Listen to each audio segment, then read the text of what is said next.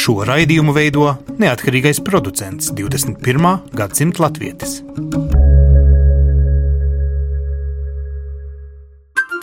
Lai kur mēs būtu, Lai kur mēs būtu, Lai kur mēs būtu, Lai kur mēs būtu, Tie esam mēs. tie esam mēs. mēs Tie esam mēs. Mēs.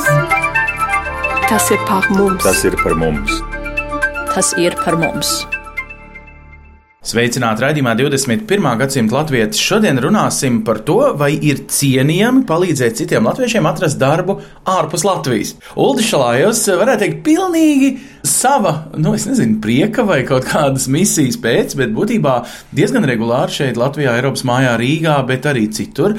Labprāt, ja internetā vai kā, palīdz uh, tautiešiem atrast darbu Briselē vai citās Eiropas Savienības institūcijās. Uldi, kāpēc jūs to darat? Jā, labdien! Nu, es teiktu, tā, tas ir vairāk uz manu tiešām iniciatīvu. Piemēram, šodienas lekcijas sākumā es arī speciāli pastāstīju par to statistiku, kāda mums ir teiksim, pieejama publiski par latviešiem.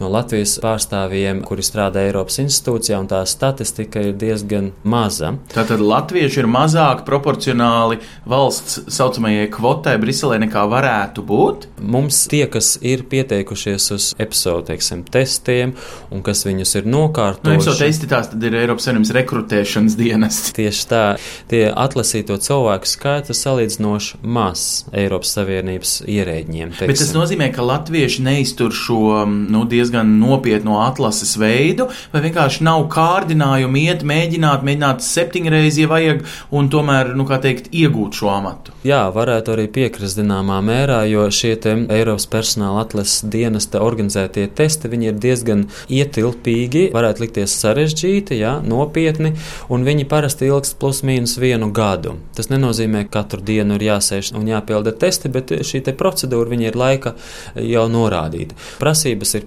pieņemamas, bet es tiešām tas, manuprāt, personīgi es uzskatu, valodas lieta ir diezgan nu, būtiski jāņem vērā. Nu, jūs esat noteikti analizējis arī dziļāk, kas tad ir tas biežākais, ko mēs uh, iekrītam. Citi saka, ka tā matemātika, ko varētu teikt pēc padomju metodēm, turpina mācīt arī šeit, nav tā kā franču teiksim, tradicionālā vai britu sistēma, kuru faktiski prasa šajos testos. Proti, ka mūsu izglītības sistēma jau pēc būtības ir savādāka, un tāpēc cilvēkiem ir grūti, varētu teikt, ielausties šajā prasību loģikā, kāda ir Eiropas testos. Tā drīkst analizēt. Es vairāk gribētu teikt to tā, ka Eiropas personāla atlases dienests organizē testus.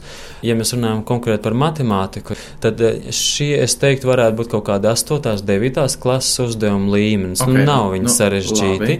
Būtiskākā lieta šajos visos veida testos ir tas, ka ir ļoti limitēts laiks.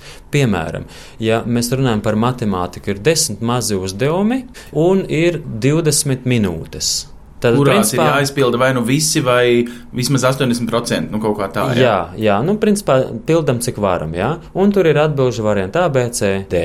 Un ko tad latvieši neiztur stresu vai neprot izlasīt uzdevumu? Neteiktu, varbūt latvieši, es teiktu pēc būtības vispār cilvēki. Tad pirmkārt, tur ir jāatrenēs jebkurā gadījumā šāda veida testiem. Un zinām veida, nu, stratēģijas, kā viņus nokārtot faktiski. Tās darbības ir trīs, četras, nav daudz. Kā mums ir ar valodu prasmēm? Es zinu, ka mūsu parasti Eiropas Savienības um, statistika slavē. Mēs zinām vairāk nekā vidējais Eiropietis valodas pret vidējo uh, latvieti. Mūsu prasmi līmenis, piemēram, atbilst. Valodas zināšanu līmenis ir ļoti būtisks. Šajos testos, jo vairāk svešvalodas zina, jo labāk. Angļu valoda to jau daudz zina, līdz ar to, manuprāt, laikam mēs vairs tā īpaši nevarētu izcelties, bet viņa būtiski tā, viņa viena no Eiropas Savienības institūciju oficiālām darba valodām. Nākamais, piemēram, vācu valoda. Tagad jaunieši, kā, manuprāt, jau mazāk zina. Protams. Lai gan, kā mēs zinām, Vācija ir viena no faktiski lielākā Eiropas Savienības No, Eiropas kontinentā lielākā valodu grupa ir tieši, Tieši tā. Tālāk, nu, franču valoda tur vairāk saistās ar Eiropas institūcijām, no Eiropas Savienības dibināšanas laikiem, tam līdzīgi. Un līdz ar to vairāk es teiktu valodu, kuras attiecīgas svešvalodas mēs zinām.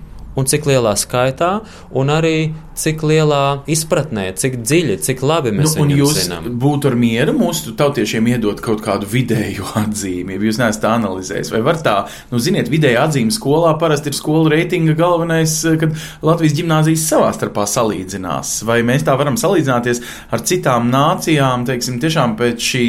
Viens ambīcijas pieteikties, otrs reālā satura spēja to izturēt. Es teiktu tā, ka principā nu, es neesmu speciālists, lai noteiktu attiecīgu mm, šo te valodas līmeni. Tāpēc jau valodas līmeņiem ir attiecīgās eh, testi, un eh, gan IELTS, gan TOEFL un viss pārējiem. Mēs runājam par angļu, bet ir arī vācu valodā un citām valodām. Bet kas ir būtiski, es domāju, viens no nākamajiem varbūt tādiem klupšanas akmeņiem ir, kad limitētā, ierobežotā laikā spēja rast un sniegt atbildi to, ko no cilvēka prasa. Nu, kas tā ir loģiskā domāšana Tā vai ir lo- stresa noturīgums? Es domāju, abi divi, un ne tikai. Tātad eh, saprast, eh, jo kas ir stress? Stress ir tas, ka mēs kaut ko nezinām. Ja mēs zinām procedūru, kā šie testi tiek organizēti, eh, ja mēs zinām, kas ir nākamie posmi, tad mēs saprotam, kas no mums tiek gaidīts. Savukārt, nākamais, ja mēs zinām stratēģijas, kā mēs viņus arī kārtojam, jo mēs zinām arī paši no savām, no matemātikas, vidusskolas eksāmeniem un no citiem, ir kaut kādas stratēģijas. Sarežģītākos es atlieku varbūt vēlāk, ja es nezinu, uzreiz un tā tālāk, ja? vai analizēju informāciju. Tad es teiktu tā, ka uz ko mums būtu jābalstās šīs te kompetences par to, ko Eiropas Savienība arī sen jau runā, bet nu, Latvijas eh, teiksim, kontekstā es saprotu netik sen, vai pareizāk sakot sen, bet varbūt nu, nav. Ne... Tagad tikai sāks realizēt kompetencēs balstītu izglītības modeli. Tieši Labi, ja nākamajā gadā dzīvos. Tas ir ļoti būtiski. Ja informācijas ļoti daudz tagad pieejamas eh, teiksim, visos internetu medijos un tam līdzīgi, bet kas ir grūtāk saprast, ir analizēt šo lielu apjomu informāciju, tālāk dot secinājumus, dot savu viedokli, dot em, teiksim, savu redzējumu un arī skatīties kritiski, ko viena puse saka, ko otra puse saka, un tas ir kāds ir mans viedoklis par to visu. Te tiek testēta paša latvieša personība, cik viņš ir spējīgs analizēt, pasniegt faktus, eh, būt bezskaislīgam, bet vienlaikus arī nu, kritiski analītiskam. Nu, bet tur ir dažādi līmeņi un dažādi darbi. Uz ko latvieši pārsvarā pretendē? Uz tiem augstajiem darbiem, kuros, piedodiet, ir diezgan liela aizņemtība un konkurence, vai arī uz tādiem ikdienišķiem darbiem? Jo bieži laikam nākas secināt, ka pat ar nu, labu, labu, ļoti labu izglītību cilvēks patiesībā meklē ļoti labu algu un ir gatavs uz daudz maz kvalificētāku darbu Briselē, jo tā tiešām alga ir nesalīdzināmā labāka nekā varbūt viņš to savu attiecīgo kvalifikāciju darot. Vai negadās arī kādreiz ielipt tajā Briselē vienam otram, ka viņš, nu, tā kā pēc labklājības skrienot nepiepilda atkal savu dvēseli? Tā varētu būt arī, protams, bet es domāju, te jārunā par katru individuālo, kā teikt, stratēģiju. Ja cilvēkam stratēģija ir mēģināt nu, iekļūt Eiropas Savienības institūcijās un strādāt, jā, nu, tad varbūt tās ambīcijas, kas ir lielās un augstās, nu, jāmēģina viņas, kā teikt, mārketingēt attiecīgi, jā, ja spēj.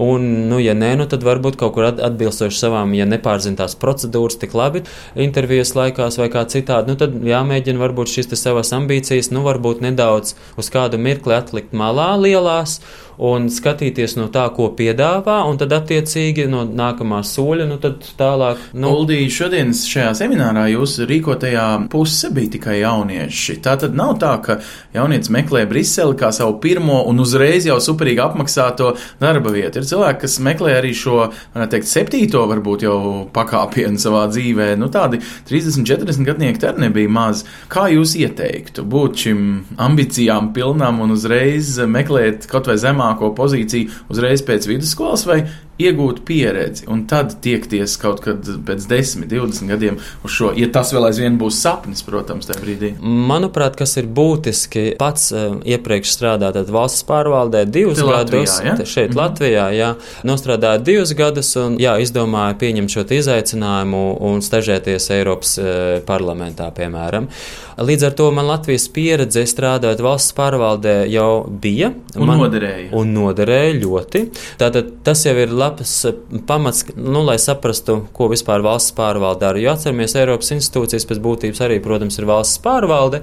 Tie uzdevumi diezgan līdzīgi ir kā visās pārējās, tikai jautājums ir šeit ir Eiropas konteksts, protams. Mm. Proti, 28 valsts. Tieši tā, tieši tā. Un līdz ar to ir būtiski, lai arī, teiksim, ir attiecīgās Eiropas personāla episodes, tātad organizētā testi, kas attiecīgi ir domāti gan ar kvalifikāciju speciālistiem, gan arī tādiem, kas ir nu, tikko, kā teikt, pabeiguši vidusskolu, kur minimālā prasība jābūt Eiropas Savienības pilsonim un nav jābūt tātad sodītam, bet mm. jābūt arī tātad um, ar bakalaura grādu kā minimums, jebkurā no sfērām. Un kā jau es arī šodien uzsvēru, kas ir būtiski man personīgi, es pats uh, absolvēju ērgļu arodvedas skolu, tādu profesionālu izglītību, iegūstot grā, mazā uzņēmuma grāmatveža specializāciju tajā laikā. Un tas bija īstenībā pirmkārt viens no punktiem, kas man palīdzēja eh, tātad eh, startēt vēlāk arī eh, darba tirgu Eiropas institūcijā.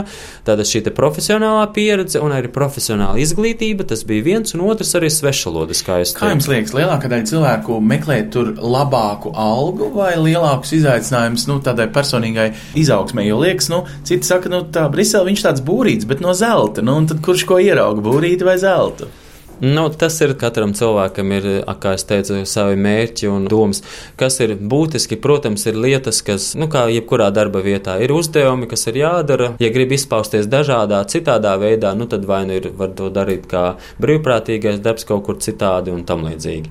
Jūs pats, Uldi, tīri no cilvēciskā viedokļa esat saņēmis arī pārmetumus kādreiz no, nezinu, tautiešiem vai paša kādreizējiem, varbūt skolas biedriem, kādā izlaiduma ballītē vai kur. Kāpēc tu to dari? Tu principā vedi tautu tautiešus ārā no valsts. Nu, īsnībā mans mērķis ir diezgan vienkāršs. Pastāstīt par to, kāds ir nu, ne tikai Eiropas personāla EPSO organizēto darba tirgus un tests un prakses iespējas, bet tāpat laikā esot uh, iegūstot šo ārzemju pieredzi un atgriežoties atpakaļ Latvijā, viņa ir ļoti vērtīga un noderīga. Nu, ja kāds uzturas ilgāk nekā plānots, nu, tad tā ir attiecīgi cilvēka. Tas ir viens. Otrkārt, kas ir būtiski, Latvijā jau nav tikai latviešu uzņēmumi, ir arī Latvija diezgan salīdzinoši ekonomiski spēcīgi, ir, protams, arī spēcīgākas, bet tas nozīmē, ka pie mums ir arī starptautiskie investori.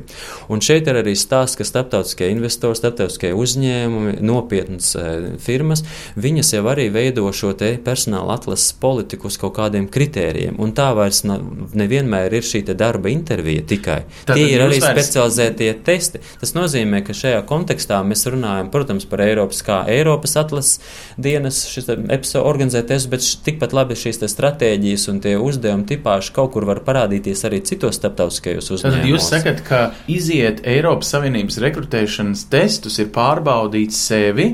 Un patiesībā, iespējams, pat sagatavoties savai pilnīgi citai darba intervijai, pat ne obligāti eirokrātu, kā teikt, galvaspilsētā, bet drīzāk tiešām starptautiskā uzņēmumā tepat kaut kur, nezinu, piemēram, Madonā.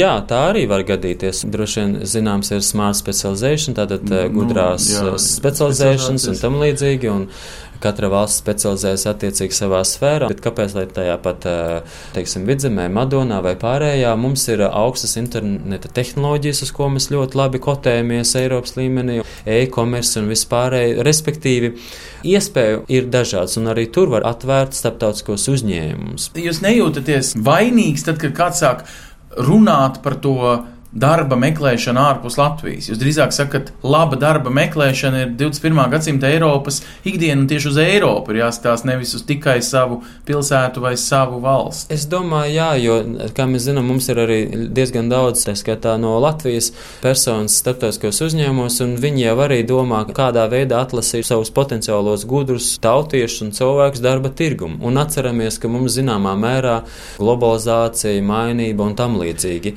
Tad, respektīvi, saka pilnīgi otrādi, ka tie ārzemju latvieši, kas 90. gados brauca uz šejieni, būtībā godīgi teica, ka, ja es būtu palicis Ņujorkā, kur esmu dzimis, mana konkurence uz vienu ekscelentu darba vietu būtu 700 reizes lielāka tieši tāpēc, ka lielākās valstīs ir grūtāk noscīt, un šeit ir kā, mazāks šis pieprasījuma, piedāvājuma nevienlīdzība. Vai jūs tā justu, ka jūs ar savu pieredzi Briselē automātiski šeit varētu te vai atspērt durvis, jebkurā jūsu iekārotajā darba vietā?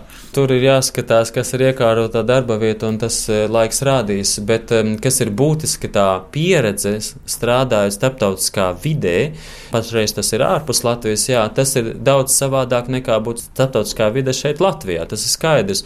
Tas ir laika jautājums. Latvija būs viens no arī ekonomiskajiem, zināmā mērā, centriem. Jautājums, kā mēs to visu attīstīsim. Tas ir vairāk mūsu pašu tautiešu politiķu un tā tālāk jomās. To var darīt. Būtiski ir atvērt acis vaļā, skatīties, kas notiek apkārt, bet tas nenozīmē, ka jābrauc uzreiz prom. Starp citu, lai strādātu Latvijā, kaut vai mums ir šeit Eiropas Savienības aģentūra, Perets Office, kur šie te intervijas ir jāaiziet starptautiskā līmenī, un, protams, viņi organizē savējās, ņemot vērā šo te arī starptautisko, nu, Eiropas Savienības institūciju metodes. Ja? Viņa pielabo, pieprecē, bet tas ir tas pats, un mēs strādāt varam arī šeit Latvijā. Tā kā mm. tas nav jābrauc obligāti uzreiz prom. Tāpat arī, piemēram, nu, Eiropas komisijā informācijas birojas arī Latvijā. Tur būs arī šāda veida procedūra jāaiziet, lai varētu strādāt tepat pie mums mājās. Tā kā kas ir būtiski, šīs te darba tirgus prasības mainās, un manuprāt, nu, diezgan daudz, kā jūs teicat, starptautiskās kompānijas, viņas ir sapratušas, ka viņi negrib lasīt, varbūt kā šodien minētos 50 tūkstošu CV, kas ienāk, jā, attiecīgi atkarībā no pozīcijām. Viņi izdomā veidus, kā darba eh, nu, organizēšana, atlase varētu tikt um, organizēta. Piemēram, dzirdēju BBC ziņās, kāds mēnešus atpakaļ Ķīnā, manuprāt, izveidojuši aplikāciju Oreāli. Tur bija kaut kādi pāris jautājumi, kur šiem potenciāliem kandidātiem bija jāievada, jāatbild uz jautājumiem, ka trīs, četri jautājumi. Un tā tehnoloģija ir tāda, ka tā aplikācija viņa analizē, kādas grūtības pakāpes jautājumus, kā viņi atbild, kādus vārdus viņi izmanto, cik grūtus, cik sarežģītus, nu, intelektuālus un tā tālāk. Un tā aplikācija vēlāk sarindoja tos attiecīgi tos kandidātus pa prioritātēm. Un tad ir uzņēmuma ietverā izdomā, vai mēs pirmos tos desmit cilvēkus izsauksim uz interviju, palūksim viņu CV, un tad mēs skatīsimies viņu CV pēc tam. Ja?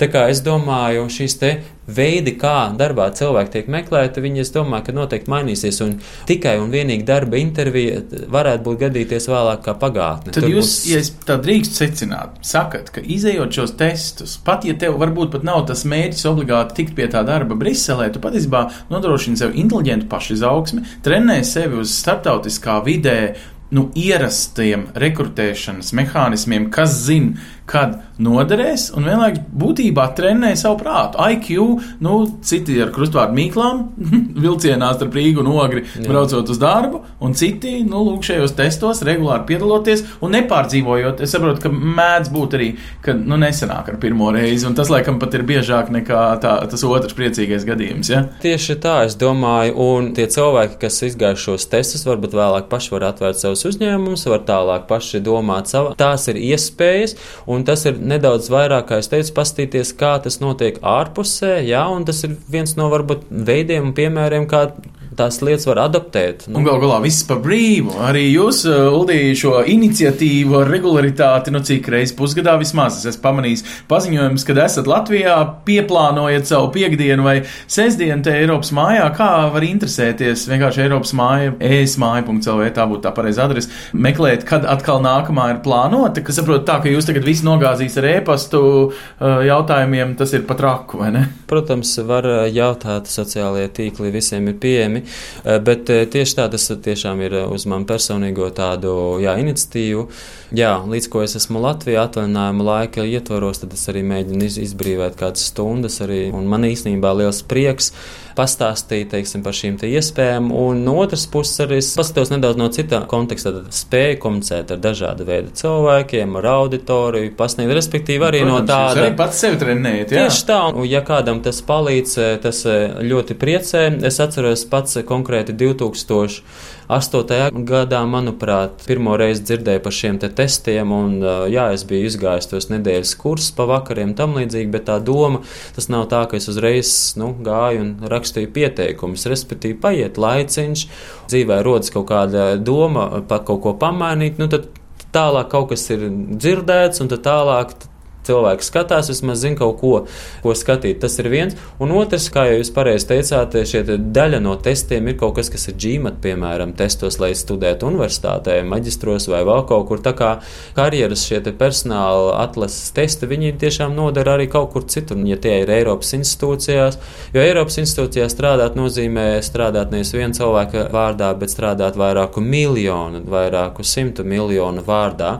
Un tas ir kas man pašam personīgi pašreiz patīk, ka tas ir. Darbs ar atbildību un darbs ar jēgu, jo vienkārši jūsu kļūdas vai jūsu labās idejas ietekmē diezgan daudz miljonus iedzīvotāju. Labi, Uldīs, sirsnīgs paldies par personīgu pilsonisku iniciatīvu. Ja kāds vēlas tai sekot, tad es māju.lv tā mājas adrese, kur regulāri ieskoties, jūs atrodat arī ziņas par Ulda, varētu teikt, kārtējo vieslekcīnu, jo Latvijā ar piecu gadu tiešām m, tradīciju, kas meklēs, tas atradīs. Un raidījumā 21. gadsimta Latvijas es satieku Māru, kur bija atnākusi šo ULDA regulāro pasākumu. Māra pirmo reizi esat? Pirmo reizi, jā. Aha, kas ir tas, kas jūs pievilina darbā Briselē? Nu, es īstenībā ilgus gadus esmu strādājis par ekonomikas skolotāju. Jā. Man interesē nu, viss, kas saistās ar ekonomiskām lietām, un, protams, arī nu, skolā pasniedz arī CV, darba intervijas un visas pārējās Skolotājs lietas. ir radošāka un profesija. Skolotājs ir ļoti radoša profesija. E, Briselē citi saka, ka tur radošums ir vajadzīgs tieši iestāja eksāmenā un pēc tam vairs nekad. Jā, tie tā izskatījās, ka ir radošums vajadzīgs tajā, lai vispār tur tiktu. Jo tie testi, kas ir jāaizpilda, nu, nu, es tā skatījos, nu, tas ir sarežģīti. Ja jūs esat pati skolotāja, varbūt jūs pamanāt, ka tie testi ir domāti, varētu teikt, franču izglītības sistēmai, nevis latviešu vai mm. latviešu skolēns. Ko jūs esat mācījusi skolēniem? Īsnībā, jā, sarežģīti priekš latviešu skolnieka. Proti, izglītības sistēma pati nav Izglītības tā sistēma radīta, savādāka. lai jā. jūs. Maniem bērniem būtu ļoti grūti nokārtot. Labi, tagad tā praktiskā puse. Kas jūs tajā Briselē vilina? Tā vienkārši dzīve ārpus Latvijas, eh, nu, salīdzinoši ar lielākām nulēm alga rakstām? Mani tā kā īsti nē, jo es esmu Latvijas patriots, es netaisos braukt projām. Kāpēc jūs nākat uz šejienu? Jo šeit Nē. jau faktiski rekrutē tos, kuri brauc Jā, darbā bet, prom. bet nu, ir tādi, kas grib mēģināt, un man ir jāspēj arī šiem bērniem paskaidrot, nu, kas tiek prasīts. Ah, Tātad jūs šeit varētu... nācāt, lai būtu tāds aģents starp jā, šiem jūsu skolēniem jā, un šo man iespēju. ir arī motivēti bērni, kas, teiksim, grib kādreiz nokļūt Eiropas Savienībā. Un viņi uzdod man tādus jautājumus, uz kuriem es tā īsti neprotu atbildēt. Un Kāpēc tāpēc... jūs domājat, viņiem gribās? Droši vien tas, ka ir tā ārzemes citas iespējas un tam līdzīgi. Vai mēs drīkstam to patriotismu, ko jūs teicāt, jūsos ir pārmest, ka viņiem nav, ja viņi automātiski meklē šo iespēju? Vispār jā, jā bērni ir uh, diezgan nepatriotiski. Mēs gan cenšamies to ieaudzināt un stāstīt, nu, ka tomēr Latvija tā ir mūsu valsts, bet viņiem tomēr gribās uz tām ārzemēm. Jā, ir uh, bērni, kas ir aizbraukuši prom uz Dāniju, studēt, uz Vāciju, nu, uz Angliju. Nē, tā nav tāda informācija, bet viņiem. Pati jūs esat kādreiz domājis par to, ka uz Nē. mirkli būt ārā Nē. no valsts ir Nē. pat veselīgi. Nu, varbūt tās, jā, bet man nekad nav tāda doma jūs kaut kā Bet es pamest. pilnīgi nespēju nocēt, jūs no vienas puses saprotat viņu vēlmes un gribat Jā. būt laba skolotāja. No otras puses jūs pārmetat viņiem nepatriotismu. Bet, senāk, esot laba skolotāja, jūs faktiski viņiem nu, tā kā palīdzat būt nepatriotiskiem, ja tas ir nepatriotisms šī jā, rīcība. nu, tā apmēram arī sanāk, jā, bet nu, ir cerība, ka viņi pēc tam atgriezīsies atpakaļ. Un kas jūs domājat, viņus tur patiesībā pievilina? Varbūt jebkuram jaunietim ir normāls stāvoklis būt kādu mirkli prom no mammas, un tad tikai saprast, cik forši ir būt kopā ar ģimeni. Jā. Es arī uz to ceru. Paskatīsies pasauli, gūs kaut kādu jaunu pieredzi, un viss, bet pēc tam tomēr atgriezīsies šeit atpakaļ. Lauri, jūs esat satiekuši šajos uh, neparastajos informācijas kursos, vai jūs meklējat sev jaunu darbu, vai esat vienkārši interesants, ja nu kādreiz nodara? Ā, Šobrīd es esmu interesants, jo es domāju, ka šīs iespējas, ko piedāvā Eiropas Savienība, ir interesants gan no profesionāla viedokļa, gan arī no šīm te kā testiem, kas tomēr arī ļauj pasīties uz sevi no dažādiem rakursiem. Tātad savu IQ jūs gribat Jā. pārbaudīt pirmkārt, un tad, ja paveicās, tad varbūt arī uz šo darbu pretendēt. Ā, Varbūt arī šo darbu pretendēt, jo, protams, ka šobrīd skatoties uz šo visu kopumā, šķiet, ka birokrātija ir vienkārši šaušalīga un, un ārkārtīgi sarežģīta. Jūs pats neesat nekad bijis birokrātijas Latvijā strādājis? Nē, nē, nē, es esmu vairāk strādājis privātā sektorā, līdz ar to man tā mazāk interesē. Varbūt arī zinām, mērā kaut kur atbaida, bet tajā pašā laikā man interesē tieši tas, ka es varu atklāt sevi citādā rakursā un iespējams arī palīdzēt ikdienas darbā šodien. Jūsu līdzinējā pieredze privātā sektorā šeit Latvijā var palīdzēt arī Briselē dabūt, piemēram, labu darbu. Un citi saka, nu, ja tu esi apaļš ierēdnis, tad tu esi vai kantains, nezinu, tad tu esi, var teikt, uz visu mūžu, vienalga vai Latvijā ar eh, Latvijas izpēļņas līmeni vai Eiropā ar citu, bet, nu, arī, nu, tas jau tā, ja jūs sakat, jūs esat privātā biznesā, tad tur neiet tik viegli, te ir tā garantētā sociālā puse. Dzīve visu laiku piespēlē kaut kādas jaunas iespējas, un arī patiesībā arī prasa ļoti daudz. Tas, kas mums ir šodien, to nevaram pieņemt par normu, kas būs arī rītā. Un tāpēc ir visu laiku jāskatās uz, uz plašo Tas ir pasauli. atvērts pasaulē, Tieši bet tā, vienlaikus es piedodiet, dažus sirds matus jūs deniņos jau ieraugu. Tas Jā, jā, nozīmē, ka protams, jūs jā. eh, esat ar savu pieredzi un redzat, ka šī var būt kas jauna izaugsme pakāpienā vai vienkārši piedodiet lielāka alga. Bažas par, Um, nezinu, pensiju, kas jums, protams, vēl diezgan tālu ir, tomēr tur viņa esot it kā labāka. No vienas puses, eh, protams, es varētu teikt, jā, finansiāli tas ir daudz patīkamāk un tā tālāk. Jautājums ir, vai es tiešām gribētu būt eh, šis Eiropas ierēdnis. Es jau teiksim, tā nevaru rast atbildi uz šo jautājumu. Bet kāpēc? Tāpēc, ka citi lamā visus sliktos ierēģus, politiķus un tādus? Absolūti nē. Es vairāk esmu tieši no tiem profesionāliem cilvēkiem. Ja, nu, šajā gadījumā es strādāju IT sfērā vairāk nekā 20 gadus. Ja. Nu, bet tad es atvainojos, IT sfēra ir ā, augošākā un pelnošākā šajā valstī. Ko jūs meklējat ārzemēs? Redziet, arī ārzemēs arī viņi ir apmaksāti arī labāk, neapšaubām. Šis ir viens no tādiem momentiem, kas esmu vairāk šie testi interesē bez būtības, jo arī tās prasības, ko izvirza šeit Eiropas struktūras, kaut kas ļoti līdzīgs ir arī biznesa struktūrās. Un tas, ko novērtē Eiropas struktūras, to novērtē arī biznesa struktūras. Tad, tad jūs pieiet no situācijas nevis pārdzīvot, ja nesenāk, bet drīzāk sev radīt jaunus izaicinājumus Jā. ar šiem daudz grūtākajiem, kā citi saka, testiem, kur citi pat prognozē, ka būs arī uz sesto reizi jāmēģina, ja tik ļoti gribās, un jūs vienkārši to redzat kā pašizaugsmi. Protams, tas Bet ir galvenais. savā sirdī esat tā pārdomājis, ka tieši IT profesija laikam ir viena no pasaulē mobilākajām no darba spēka viedokļa. Esat pārdomājis, kas jums tagad būtu par izaicinājumiem, ja ar visu ģimeni tagad kaut kur jāpārceļās tuvāk tālāk pasaulē? Man īpaši nesagādā problēma, jo tāpēc, ka viena lieta ir loģistika, otra lieta ir, vai es varu atrast tādu vietu, kur es gribētu dzīvot. Man ir bijis savulaik arī iespēja pastrādāt te pašā Lielbritānijā, mm. bet šajā gadījumā neteiksim kaut kur kartupeļs, Nu jā, jā, strādāt. protams, IT jomā. Bet IT jomā tieši tā. Man bija iespēja tieši novērtēt to, kā cilvēkam no malas. Man ir darbs, es pat nosaucu par tādu ļoti garšu komandējumu, mm. ja teiksim, pusotru gadu laikā es tiešām izvērtēju to no dažādiem aspektiem. Ja būtu nav tas, ka es esmu tur kaut kur ārpus Latvijas, ka tas ir tas galvenais. Absolūti nē. Nu, īpaši Un, jūsu profesijā, es pieņemu. Galvenais, Jā, lai jums ir tieši- internets. Tieši, tieši tā.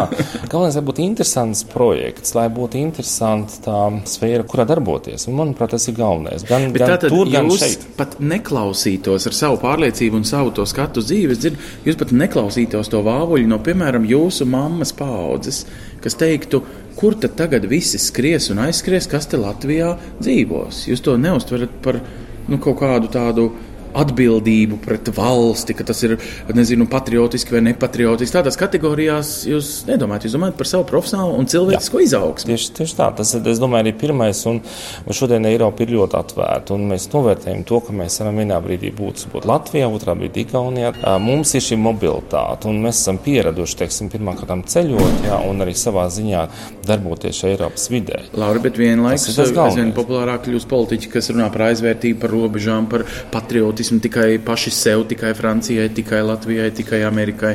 Šie saukļi, tie jūs atkal nebiedē, ka tie var apdraudēt vēl pēc 30 gadiem. Jums nebūs tā iespēja, ko jūs tagad jā. raksturojat kā superīgu atvērtību, kas jāizmanto. Protams, vienmēr ir jādomā par to, kas, kas varbūt notiks pēc tam 30 gadiem un tā tālāk. Tā, tādā ziņā es par to mazāk satraucos, jo es uzskatu to, ka teiksim, tur, kur es esmu iesakņojies, tur esmu iesakņojies, un tur man vienmēr būs vieta, kur atgriezties. Pat ja tieši šodien vai rītā es teikšu, es braukšu tagad uz Angliju vai es braukšu vienalga, kur uz Ameriku, es zināšu, ka man ir vieta, kur atgriezties. Bet tas ir tikpat vienkārši ja? jūsu loģikā, kā es tagad braukšu uz nedēļu komandējumā uz, nezinu, Daugopili. Patiesībā tas ir jāuztver tik vienkārši, daudz cilvēku emocionāli jūtas slikti, kad viņiem nosīti robežas pārkāpšana automātiski ir kaut kāds tāds tā kā, nu, ne noziegums pret nāciju, un tomēr būs cilvēki, kas to kritizēs vai kā? Es domāju, ka, protams, var kritizēt, bet ir profesijas, kuras tīri dabiski ir pasaules līmeņa profesijas. Nu, iedomāsimies, nu, labi, IT, IT sfērā, ja mēs varam piesiet pie kaut kādas vietas, vienmēr šķiet un pie kaut kāda krēsla, tāpēc, ka tur ir dators, tāpēc, ka tur ir internets. Bet iedomāsimies kaut kādus pašus mūziķus, kuri paši par sevi solisti, ja, un viņi ceļo apkārt visā pasaulē. Un eh, šodien pateikt, ka es tagad dziedāšu tikai šeit, eh, šo te nacionālo vai kādu citu jūtu vadīts. Un neiet šajā pasaules apritē, tas ir, es teiktu, tas ir noziegums pašam pret sevi. Un arī pret savām iespējām, kuras apliecinot Jā. pasaulē, tu kā audz līdzi. Ja? Tu, Jā, tu kļūsti gudrāks un ideālāks, varbūt Jā. pat slavenāks latvietis. Tieši tā. Aiznes to vārdu pasaulē. Tieši tā, un es domāju, ka tie cilvēki, kuri dara labu darbu, viņi nes arī tomēr šo vārdu. Mūziķi, kultūras pārstāvi, kas brauc un uzdara visādos konkursos, viņi ir tie, kas nes šo vārdu pasaulē. Protams, bet tam ir ļoti daudz cilvēku, arī, kuri, kuri strādā dažādās Eiropas un ne tikai Eiropas struktūrās, kur arī tāpatās nes šo Latvijas vārdu pasaulē, un tur Latvijas vārdu sirdī. Nākamā jauniešu kompānija, kas iznāk no šiem kursiem, ir Latvijas Universitātes ekonomisti. Tie ir slaveni ar to, ka viņi vienmēr ir daudz, bet viņi vismazāk par visiem pēc tam nodibina savu biznesu Latvijā pēc statistikas.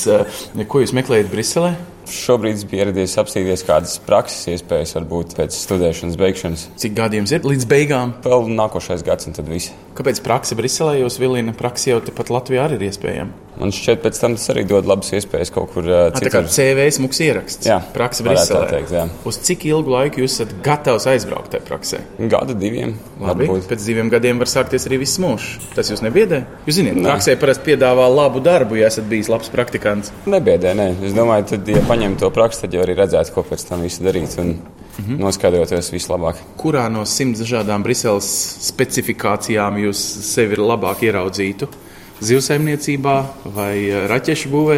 Grūti pateikt. Nē, es vēl par to domāju. Un jūs atradāt sev to kā, atbildi? Šeit Es ir iespējas. atradu, kur to atrast. Okay, tad jūs zināt, kur meklēt. Ideāli. Tad neapmaldīsieties internetā. Kā jūs saucat? Viesturs. Viesturs. Labi, kā jūs saucat? Aigars. Aigar, kas jūs vilina šajā? Pēc būtības arī nāca meklēt informāciju par prakses iespējām Briselē. Un Bet atradāt? savādāk iemeslu dēļ. Nu, kāda? Es vēlētos praksi Briselē dēļ kontaktiem. Internacionālajiem kontaktiem, ar ko pēc tam varētu veidot biznesu. Atvainojiet, ļoti skatoties uz jūsu jaunību, jūs vienkārši meklējat skaistas meitenes Briselē. nebūtu arī slikti. Kas ir tas, kas jaunieti vilina? Vienkārši, nu, it kā daži teiktu, ej, come on, tie ir tādas iespējas, un konkurence Latvijā ir 700 reizes mazāk nekā Briselē. Nē, nu, ir iespējas, bet tas pats cilvēks, kurš izveido Starbucks Amerikā, viņš aizbrauca uz Itāliju, iemācījās kafijas kultūru, aizbrauca uz Ameriku, izveido biznesu. Brauc citu valsti, ierauga kaut ko, viņi var pārveidot un īstenot savā valstī. Tad tā ir būtībā jūsu atvērtība pret visām iespējamām iespējām, kuras jūs šeit izskatāt, un nebūtu ne nesakāt, ka šī ir tā, ko jūs vispār ņemsiet. Vienmēr jau vajag iespējas. Labi, un kā ekonomistam, vai jums ir kādi pareizie papīri pēc tam, kad beigsiet Latvijas universitāti, lai nu, startētu? Latvijas universitāte, laikam, ir vienīgā vispār no visām Latvijas augstskolām, kas ir augstākajā simtniekā starp miljoniem universitāšu vispār. Nu, vai jums gandrīz nevajag visu sākt no sākuma, sākt ar studijām kaut kur ārzemēs, un tad dabūt to labo darbu tajā super grūtajā Briselē? Briselē nav obligāti tās zināšanas, ko tu iemācies skolā. Mm -hmm. Tur arī ir uh, savādāk līmeņa darbi, kur tu vari ar vidusskolas izglītību iet, un tad ir augstāka līmeņa darbi, kur tev vajag jebkādu bakalaura grādu. Lielākā daļa cilvēku, es domāju, tur jūs aizdomājat, ka jūs vienkārši gribat labāku algu. Nē, nē, nē, es braucu dēļ pieredzes. Latvijā jau arī ir iespēja nopelnīt, bet tur ir savādāka atmosfēra. Jums patīk tas starptautiskā, tas burziņš ar visu tautību bērniem, kā teikt. Nu, var teikt, un arī jāizmanto Eiropas Savienības iespējas kā nekā. Protams, kamēr Jā. viņi vēl pastāv. Tā izskatās, jāskatās, kas notiksies Francijā. To mēs skatīsimies.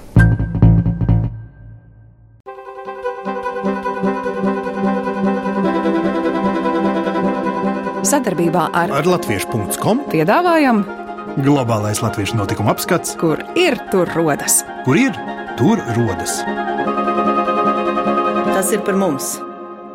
Šī nedēļa ir bijusi īpaša gan tautiešiem Latvijā, gan tautiešiem visā pasaulē, atzīmējot Baltā galdautu svētkus par godu Latvijas Republikas neatkarības atjaunošanai. Latvijas valstī tik nozīmīgo dienu svinēja Amerikas Latviešu apvienības 66. kongresā Čikāgas Svētā Pētera draudzes namā. Sarīkojumu vadīja Līga Ejupe un dalībniekus svinīgi uzrunāja Latvijas Republikas vēstnieks ASV Andris Teikmanis.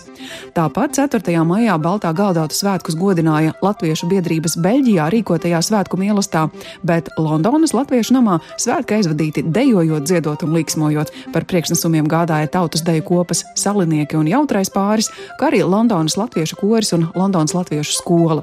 Savukārt aktīvākie tautieši piedalījās akcijā Izskrien Latviju pasaulē, izskrienot vai ar velosipēdu izbraucot Latvijas kartes kontūru daudz vietā, gan Dienvidkorejas galvaspilsētā Seulā, Dublinā, Čikāgā un citur pasaulē. 5. maijā Berlīnes Latviešu bērnu un kultūras biedrības rīkotajā ģimenes dienā norisinājās svētku programma arī par godu Latvijas otrajai dzimšanas dienai. Sarīkojumā piedalījās valodnieks Austris Grasis un Liepājas jauniešu teātra studija ar izrādi Kur ir mana mamma? Sestdien, 6. maijā, valsts svētkus aizvadīja Latviešu centrā Bērzaina Freiburgā pie Baltā auseklīšiem rotātā galda, un tāpat arī svinības neizpalika Senpītersburgas Latviešu biedrības namā, ASV un daudz viet citur pasaulē. Savukārt nākamnedēļ tautieši aicināti apmeklēt dažādus informatīvus sarīkojumus. 9. maijā notiks Latviešu pensionāru apvienības organizētā ekskursija, kuras laikā gīda pavadībā būs iespēja apskatīt dišciltīgo namu Stokholmā. Lielbritānijā Latvijas Republikas vēstniece Baiba Brāža un Latvijas goda konsuls Džons Makgregors ielūdz tautiešus uz neformālu tikšanos Edinburgā. Savukārt Stokholmas Universitātē notiks profesors Laimutas Balodes lekcija personu vārdu diminutīva latviešu valodā agrāk un tagad. Plašāku informāciju par daudziem citiem gaidāmajiem notikumiem, kas saistoši visā pasaulē dzīvojošajiem latviešiem, meklējiet portālā latvieši.com notikumu sadaļā, 21. gadsimta latvietis Facebook lapā, kā arī daudzās, jo daudzās latviešu kopienu mājaslapās pasaulē. Raidījumu veido Ancis Bogustovs, Paula Gulbinska, Arta Skuja un mūsu ārzemju korespondenti. Raidījuma producents Lukas Rozītis.